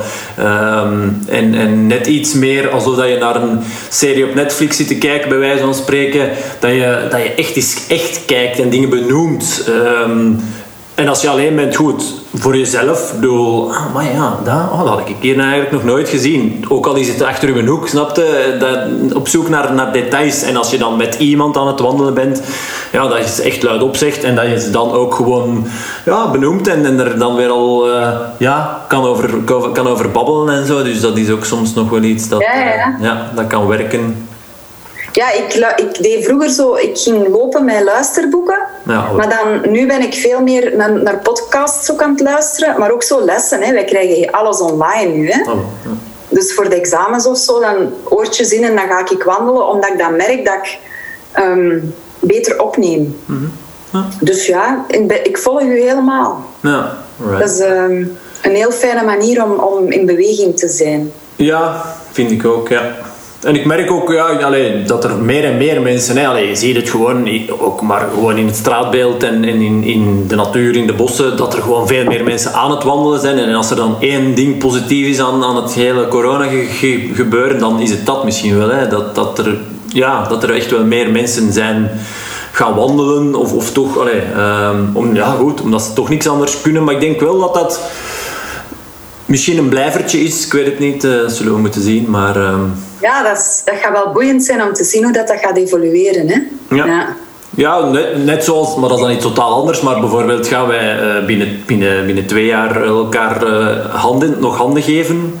Of, gaat, of gaat dat er volledig uit zijn? Of, of eh, ik weet het niet, dat is ook zo. Dat is nu totaal iets anders. Maar hoe gaat dat Zo evolueren? Dat handen geven en dat kussen, ja. ik mis dat niet. Ik maar dat maar... knuffelen Ja. van de mensen die ik wil knuffelen, Ja. dat mis ik. Ja, Maar zo dat ja Op een verplicht en- handje. Ja, iedereen, ja. Nee, ik ook niet. Nee, ik ook niet. Maar, ehm, maar ik, ben, ik vind het wel interessant en boeiend om er, om er ja, hoe dat het gaat evolueren. Gaan wij, gaan, gaan wij dat ooit nog doen? Inderdaad, op een feest aankomen en iedereen een hand verplicht een hand moeten geven of, of kussen? Weet ik niet. Ja. De toekomst zal het uitwijzen. We zullen wel zien. Ehm, nee, goed. Uh, wat je daar straks ook zei, van, van uw geest inzetten om, uh, om te dealen met uw pijn. Ik denk dat dat um, voor heel veel luisteraars ook uh, wel heel interessant kan zijn. Ja, ik denk dat um, als je heel jong geconfronteerd wordt met pijn, dan heb je twee keuzes. Hè. Ofwel ga je echt plat liggen, ofwel wil je toch deelnemen aan het leven en moeten iets doen, want anders. En voor mij was dissociëren een oplossing. Dus ik trok mezelf zodanig los van mijn lichaam dat ik nog kon functioneren in groep, in de klas, nog activiteiten kon doen terwijl ik heel de tijd pijn had. De enige manier, allee, de enige omstandigheden waarin dat, dat niet ging, was als ik een migraineaanval had omdat dat is echt het licht uit. Dat is, dat, dat, ik heb dan signalen dat ik dat ga krijgen. Dan heb ik een kwartier om thuis te geraken. En dan is dat, dat is echt donkere kamer, neer, twee dagen ziek. Hè? Dat weet ik. Mm. Dus dat, dat kon ik niet over. Maar wat je dus wel leert, als je kop zo aan het boemzen is en aan het ontploffen is, of je hebt zo'n buikpijn, is dat ik um, naar ergens in mijn hoofd kon gaan en dan zo kon loskoppelen en met mijn ademhaling naar boven kon gaan, waardoor dat ik van die pijn weg kon gaan of juist naar die pijn naartoe kon gaan. Dus dat je zo in je aandacht kon ik naar die pijn gaan en kon ik zo um, die pijn mentaal, ja, dat, amai, dat klinkt zo. Ik, ik vind daar de juiste woorden niet voor, zonder zo, want ik ben helemaal geen zweverige. Nee. Maar ik kon dat zo wat masseren dan ga je met je gedachten naar die plaats die zo verschrikkelijk veel pijn doet. En dan ga ik daar zo rond met mijn handen in mijn hoofd. Mm. en dan probeer ik dat zo weg te... Zo, dus mentaal denk ik dat wij veel meer kracht hebben dan dat wij eigenlijk weten.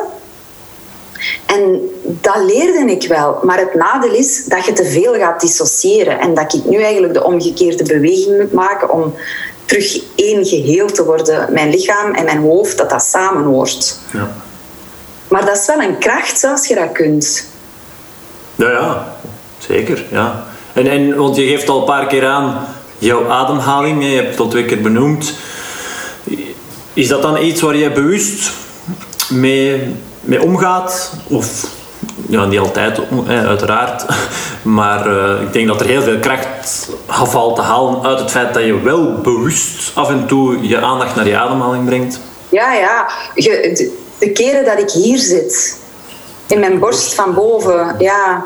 En dat ik dat niet door heb, maar dat je dan voelt van waarom ben ik nu zo gestrest? Ah ja, wacht even voelen. Ja, ik zit hier met mijn ademhaling, ik zit van boven. En dan kan ik dat om die naar beneden te trekken. En gewoon dat effect al. En dat je dan voelt dat je schouders al zakken. Ja. En dat je stem ook verandert van kleur wanneer het die zakt. Ja. En dat zijn zoveel effecten dat ik dagelijks voel op mijn... Ik moet dat echt... Maar ik denk dat eigenlijk iedereen daar in een dag mee moet bezig zijn. Ja, zeker. Ja. Ja, en, en wanneer het hier vast zit in je middenrif, dat je dat leert voelen van, ah ja, ik adem van boven en ik wil wel naar beneden, maar ik raak er precies niet door. dat je zo hier iets zitten hebt. Ja, ja. ja. En dat, dat, dat, roept dan aandacht, hè. dat roept dan, hallo, hallo luister eens naar je maag. Ja, ja, ja. ja. Zo heb ik dat eigenlijk geleerd. Ik had ook een moeder die altijd yoga in de living deed. Hè. Dus Nee. En dan... En dan ik heb dat heel, eh, van jongs af aan heel duidelijk meegekregen. Dan op een onbewuste manier, want ze heeft het mij nooit geleerd. Maar je, je, je krijgt het mee, hè. Ja. Dus ik vind dat wel, ja, ademhaling. Bevallen, dat is zo belangrijk, ademhaling. Ja, ja, ja. En daar dacht ik, ineens voelde ik, ik kan dit. Ik kan dit gewoon. Mhm. Dus dat, af en toe worden wel eens in uw um, inspanningen beloond. Hè?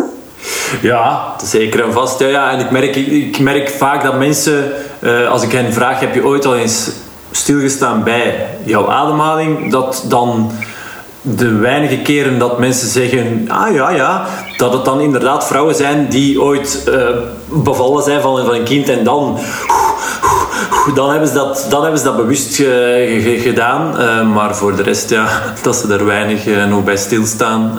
het, is al, het is al aan beter, maar het kan jou zoveel geven jouw ademhaling en daar bewuster, iets bewuster bij stilstaan dat het ja, ja, Ongelooflijk. Ik hoor dat ook aan mezelf. Ik hoor waar dat ik zit. En het is eerst mijn gehoor en dan ga ik voelen. Maar ik merk ook dat vriendinnen dat af en toe al beginnen zeggen van... Oh, ik zit zo hoog. Maar dit, van boven in je borst, dat neigt naar paniek. Hè? Mhm. Dus de grens, als je angstig bent, en zeker in deze tijd, is, u, is een angstaanval niet ver weg. En dat zit hem al met dat hijgen en dat happen dat wij doen. Ja. Ja, ja, zeker. Ja, ja. Ik heb uh, ja, uh, Leen den Dievel ook uh, geïnterviewd en Geron de Wulf. En die hadden allebei, het zijn, zijn ook vrienden van elkaar, maar goed, allebei angstaanvallen op een gegeven moment in hun leven daarmee af te rekenen gekregen. En, ja, dan, dus dat, is, dat, dat geven zij ook aan. Hè, um, dat dat je dat op een duur wel voelt en dat het, wat dat, je, dat beklemmende gevoel op je borstkas en zo, dat het, dat het, ja, dat ook voor een, stuk, voor een groot stuk op te lossen valt door bewuster te gaan ademen. En, uh, ja. Nou.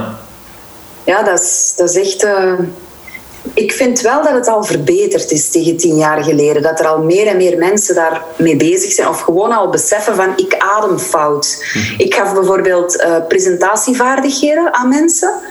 En als ik dan kon zeggen, ik zat dan van achter, dus ik zat op een veilige plaats, ik kon die dan observeren en ik zei dan vaak van, waar denk je waar dat je ademhaling zit? Ah, zoveel jaren geleden, die hoorden donderen in Keulen, dus nu begint dat echt wel te veranderen. Als je mensen voor een groep zet en die leren spreken voor een groep, dat die voelen van, waar zit mijn ademhaling? Dus er is wel vooruitgang. Ja, ja, zeker. Ja. Zeg, ik zag ook ehm, dat je ehm, op jouw Instagram, um, in het Engels maar goed, dat, dat fietsen jouw hart vult, terwijl auto's en het verkeer jou uh, laten walgen. Dus wat, het, is, het is misschien... dus we hebben er juist al even wandelen, lopen. Je hebt eigenlijk heel je leven wel eigenlijk best wel sportief actief geweest. Ook fietsen is een, ja, heeft een plaatsje in jouw hart om... Fietsen. Fietsen, ja. Ja, ja ik heb altijd... Um, ik was een van die eerste moeders twintig jaar geleden met twee kinderen op de fiets in de stad Antwerpen. En dan leert je dus met je hakken en met je... Ja, maar die zaten op mijn fiets, hè, twee hummeltjes van nog geen jaar en van twee jaar. Hè. Dus dat mijn mama zei van... Ik zie niemand fietsen met kinderen in stad. Maar ja, zo'n bakfiets, dat bestond dan nog niet. Nee. Echt, ik vind dat onverantwoord. En dat ik zei van, ja, maar ik wil dat wel. Ik vind dat veiliger dan dat ik mij met, met een auto of wat in stad, als je in stad woont. Dat, en zo, ik ben eigenlijk altijd een fietser geweest. Geen uh, sportfietser, hè? Nee, nee ik hou niet van die voorovergebogen houding. Ik krijg daar nekpijn van. Ik vind dat ook niet tof om zo te zitten. Ik zit graag zo op de Hollandse manier. Mhm. Lekker rechtop, dat ik de wereld kan zien. En dan door ziek te worden heb ik mijn elektrische fiets gekocht. Mhm. Ja, en nu is dat eigenlijk mijn auto geworden. Want ik doe daar mijn boodschappen mee. Ik gebruik nooit meer de auto. Ik vind dat zalig fietsen. Dat, is, dat doet iets met mij dan hoe dat de wereld zo aan u glijdt. Ik moet ook altijd huilen op de fiets. Hè. Dus het, doet ook iets met mijn emoties. Hè. Maar dat is goed. Dat is, ja, ik vind dat heel fijn fietsen. Ja, en wat je zegt, zo die voorovergebogen houding. Ik heb ook uh, enkele jaren geleden zo'n een, Nederlandse eh, eh, fiets gekocht. Een opa-fiets, zo, waar je goed lekker rechtop kan zitten. enerzijds, jouw houding op een gewoon, op een koersfiets of op een mountainbike of zo, is, is, is ja, wat je aangeeft. Je krijgt er nekpijn van. Maar daarnaast is het ook ja, op zo'n opa of oma fiets veel makkelijker ook weer al bewust ja, naar je buik te ademen. Hè. Als je voorover zit en dan gewoon naar je buik ademen, dat is een hele opdracht. Terwijl als je goed rechtop zit, dat hangt ook weer al samen. Hè. Ademhaling en houding onlosmakelijk met elkaar uh, verbonden, uiteraard. Ja. Weet jij toen dat de, ehm, de eerste keer dat ze over Ringland spraken, hè? Dan hebben ze hier zo'n keer ehm, met allemaal fietsers de ring bezet. De single, niet de ring. nee, nee. De single. En ik zat daartussen. En dat was... Dat, ken je dat? Dat je zo overal Ja. kippenvlees krijgt van beroering? Dat je zo mij... En bij die stroom fietsers, die was zo lang, dat dat... Het, het, allee, het kruispunt van de Plantijn Moretius Leij, dat dat helemaal geblokkeerd was, maar dat aan de IJzeren Brug, dat dat ook nog dicht was. Ik vond dat... Oh, ik weet niet... Ik weet, ik weet nog altijd niet waarom dat ik daar zo van begeesterd ben geraakt. Maar dat was zo fijn om al die... Ook s'morgens nu, als je hier die fietsostrades ziet... Oké, er zijn heel veel nadelen ook aan. Hè? Die verschillende snelheden en mensen die niet gewoon zijn van te fietsen en kinderen. En, oh, oh, oh. Maar ik word daar zo gelukkig van, van allemaal mensen op de fiets te zien. En dat die een auto naar de achtergrond Ja. geschoven wordt. Pas op, we hebben hem nog nodig. Hè? Maar het mag gerust wat minder. Hè? Ja, ja. ja. Jazeker. Ja, en ik, ik denk wat, wat je net benoemd, het feit dat je zo hè, met, met, met z'n allen de, de single eh, vulde met, met fietsen, ja, dat dat ook gewoon ergens eh, die sociale binding, die verbondenheid, dat eenheidsgevoel, eh, dat is ook gewoon als mens wel heel waardevol en belangrijk. Hè? Ja. Ja, maar ook dat dat zo... Voor de eerste keer had ik het gevoel van... er wordt eens het accent op de juiste waarde gelegd. Het moet eens niet snel gaan. Het moet eens niet ehm, om geld draaien. Want ja, zo'n fiets... Je kunt er een vinden aan het station, blijkbaar. Ja. Dus eh, ehm, dat is het nu niet. Maar, en ook, je kunt praten en je, je voelt het weer. ja. En dat, ik heb gewoon een regenpak, hè. Als je rubberlaarzen aandoet en je doet een regenpak aan, perfect. Hè? Je moet dat gewoon afstropen als je ergens aankomt. Maar dat gaat helemaal goed. Hè? Ja. En dat is ook zelfs nog wel leuk. Vind ik, om zo die re- Ik vind dat, dat is Ja. toch niet... Ja, ik kan daar intens van genieten. Het enige wat ik moeilijk vind, als het ijzelt en dan regent. Ja. Dat vind ik niet zo tof. Nee, nee. Dat geef ik eerlijk toe. Maar ehm, ik zal, ja... Ik denk dat ik ga blijven fietsen totdat, ik, totdat het niet meer gaat. Ja. Ja. Ja. maar je ziet dat ook. Hè. Je, zo de, ja, oké, ook omdat het vroeger... Omdat, ja, ik, ik denk zo aan een, mev- aan een mevrouwtje die hier in, eh hier in Bouwel bij ons eh, door, door de straat fietst. Echt, ja... Ja, een oud, mevrouwtje, ik denk ja, in de negentig of zo. Is wat, eh, echt een, en die fietst ook nog. En, en goed, ja, dan, ik, ik denk daar soms ook over na. Van, dat is toch mooi dat hij nog altijd fietst. En goed, het is ook omdat zij waarschijnlijk nooit ja, of, als ze jong was, de auto, dat was allemaal niet zo evident. Hè. Nu, ja goed, we hebben, ieder gezin heeft bijna twee auto's en, en er valt ook iets voor te zeggen, denk ik, dat dat misschien niet, niet, niet noodzakelijk is, dat weet ik niet. Maar ja, dat het vroeger... Ja, dat was gewoon het enige vervoersmiddel dat men had. Hè. Of, of het was te voet en dan, ja, de fiets was dan een iets sneller alternatief. Dus goed, ja, dan, eh, dan was dat een logisch, eh, logische keuze of logischer. Ehm, en, en ik vind het wel interessant, want ik zeg nu, de snellere optie was dan de fiets. Ik vind het heel eh, interessant dat je zegt van het moet eens niet snel gaan. Ja. Hè? Dat is toch ook wel echt iets, ehm, de snelheid waarmee dat we de dag van vandaag precies door het leven moeten gaan. Ja, en natuurlijk, met, ik ben er dan zelf schuldig aan met die elektrische fietsen. Je hebt wel een vaartje, maar je ervaart dat niet zo. Je bent niet zo aan het jakkeren op je fiets. Ik kon zo jakkeren vroeger op mijn fiets. Zo stoempen en gaan. En, er zijn op tijd. En ook altijd zo net wat te laat vertrekken. Dat je dan zo dubbel zo hard moet fietsen en helemaal bezweet aankomen. Zo. Dat- Maar ehm, dat, voor mij is dat nu wel vertragen. Ja. Het enige waar ik nog heel hard mee worstel is een helm. Ja. Die zijn zo lelijk, man. Ah, en ik weet dan wel, zo op uw kop vallen en in coma liggen, dat is ook niet mooi. Ehm, ja, Nee, hè? wat, wat voor een argument is dat nu, hè? een lelijke helm? Maar mij zou het ook wel helpen moest dat verplicht worden. Ja, ja, Dan moet ja. ik het niet zelf beslissen. Maar eigenlijk is het wel nodig. Zo. Ja. En misschien eh, een gat in de markt, mooie helmen? Of zo, Ja, maar zo? ga jij dat gat vullen? Oh, nee, ik, ik, ik, ik, heb andere doelen in Maar doe een warme oproep. Hè? Ja, wel, het is aan mij. Misschien dat een van de luisteraars denkt, godverdikke, ja, dat is mijn, dat is mijn ding. Uh, Oké, goed. Uh, ja, ik denk dat we al heel veel uh, waardevolle dingen uh, hebben besproken. Ik denk, we gaan eens kijken, we zijn ook al een uur en een kwartier ondertussen aan het babbelen. Dus ehm, we zullen maar stilletjes aan ehm, gaan afronden. Maar ik stel ook altijd de vraag, is er iets dat ik jou niet gevraagd heb, maar dat ik jou wel had moeten vragen? Of iets dat je nog wil vertellen? Ja, ik zie jou ja knikken, oké. Benieuwd. Komt er een tweede boek? Ja. oh, ja, komt er een tweede boek? ja.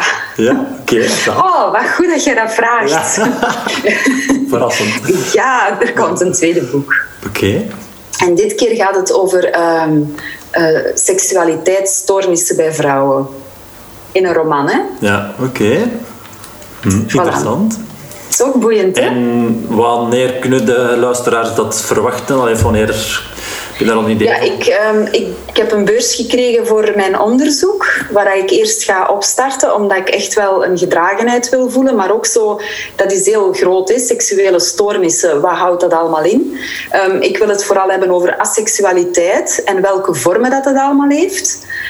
Um, dus ik wil dat eerst echt in combinatie met mijn school een soort van onderzoek in oprichten en, en daar dan een personage op creëren en dat dan die de zoektocht naar zijn eigen, allez, haar eigen seksualiteit um, laten ontplooien.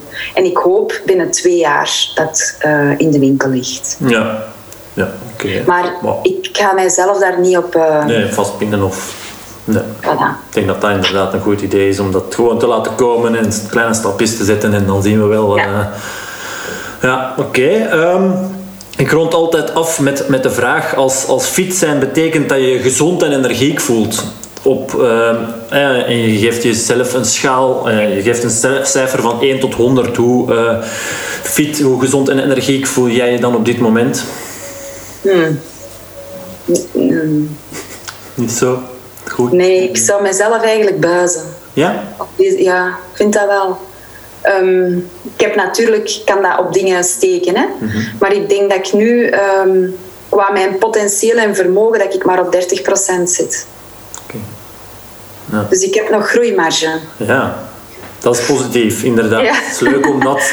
Ik ben blij dat je dat... Uh, dat je dat dan ook zo direct positief benadert. Want je zou het, zou het even goed anders... Allee, ik bedoel, eh, er zijn heel veel mensen die ook dertig en, oh, medelijden en gewoon... Nee, nee, nee, nee, nee, Ik wil, dit gaat niet blijven. Hè? Nee, nee, ik wil dit niet, hè? voor alle duidelijkheid. Maar het is echt gewoon naar vermogen, naar recuperatie, naar... Um, mijn voeding is nu wel gezond, maar zo slaappatronen, al die dingen, 30 procent. Ja, en dat gaat verbeteren. Ja. Ik heb er, ik heb er echt wel hoop in. Oké, dat is het begin. Dus, toch? Ja. ja. Nee, goed, ja, oké. Okay, we zouden nog, uh, nog wel kunnen doorgaan, want je, je, haalt nu een ding aan slaappatronen. Ook iets waar ik uh, heel vaak uh, dingen rond, rond vertel en, en meegeef aan mensen. Dus ook daar zouden we denk ik nog wel nog wat... dus dat je zegt, ja, ik wil daar echt nog wel... Voor de volgende keer is ooit. Mee, inderdaad, we kunnen dit misschien nog wel eens overdoen. En dan misschien als jouw tweede boek er dan is of zo bijvoorbeeld, is dan misschien een mooie gelegenheid. nee, goed uh, voor deze wil ik jou uh, heel hard uh, bedanken voor jouw tijd en voor, om jouw verhaal te delen. Um, ja, dus dikke merci in ieder geval. Alsjeblieft. Ziezo, hopelijk kon dit interview ook jou weer al inspireren. Inspireren om zelf ook bewuster te leven. Te kiezen voor een leven waar je misschien net iets meer uithaalt dan je nu doet. Zodat jij op je sterfbed niet te veel spijt hoeft te hebben van dingen die je niet deed of net te veel deed. Wil jij het boek van Jaela Samen duizelen we winnen? Laat dan even je gegevens achter op wordfit.be Jaela. Ik wil trouwens uitgeverij Horizon hiervoor hartelijk bedanken om dit mogelijk te maken. Wil jij een melding ontvangen als ik een nieuwe aflevering van deze podcast upload? Abonneer je dan maar even op dit podcastkanaal. Ook mag je natuurlijk altijd jouw kennissen en vrienden op de hoogte brengen van het bestaan van deze podcast. Wordt heel hard geapprecieerd. Zo help ook jij een beetje om van deze wereld een plek te maken met meer mensen die zich goed in hun eigen vel voelen, die zichzelf durven en kunnen zijn. In de volgende aflevering interview ik Morgan Gielen. Morgan is modefotograaf en de bezielster achter No Babes Official op Instagram. Zij raakte als fotograaf geïnspireerd door de schoonheid van imperfectie. Iets waar ik met WordFit alleen maar kan achterstaan. Je goed voelen, ook al zie je er misschien niet uit zoals de mainstream media het ons vaak voorhoudt. Hopelijk kijk jij ook al uit naar dit zeer interessante gesprek. Voor nu zou ik zeggen, bedankt voor het luisteren, geniet en tot de volgende aflevering van deze Goed in je Vel podcast. Tot snel!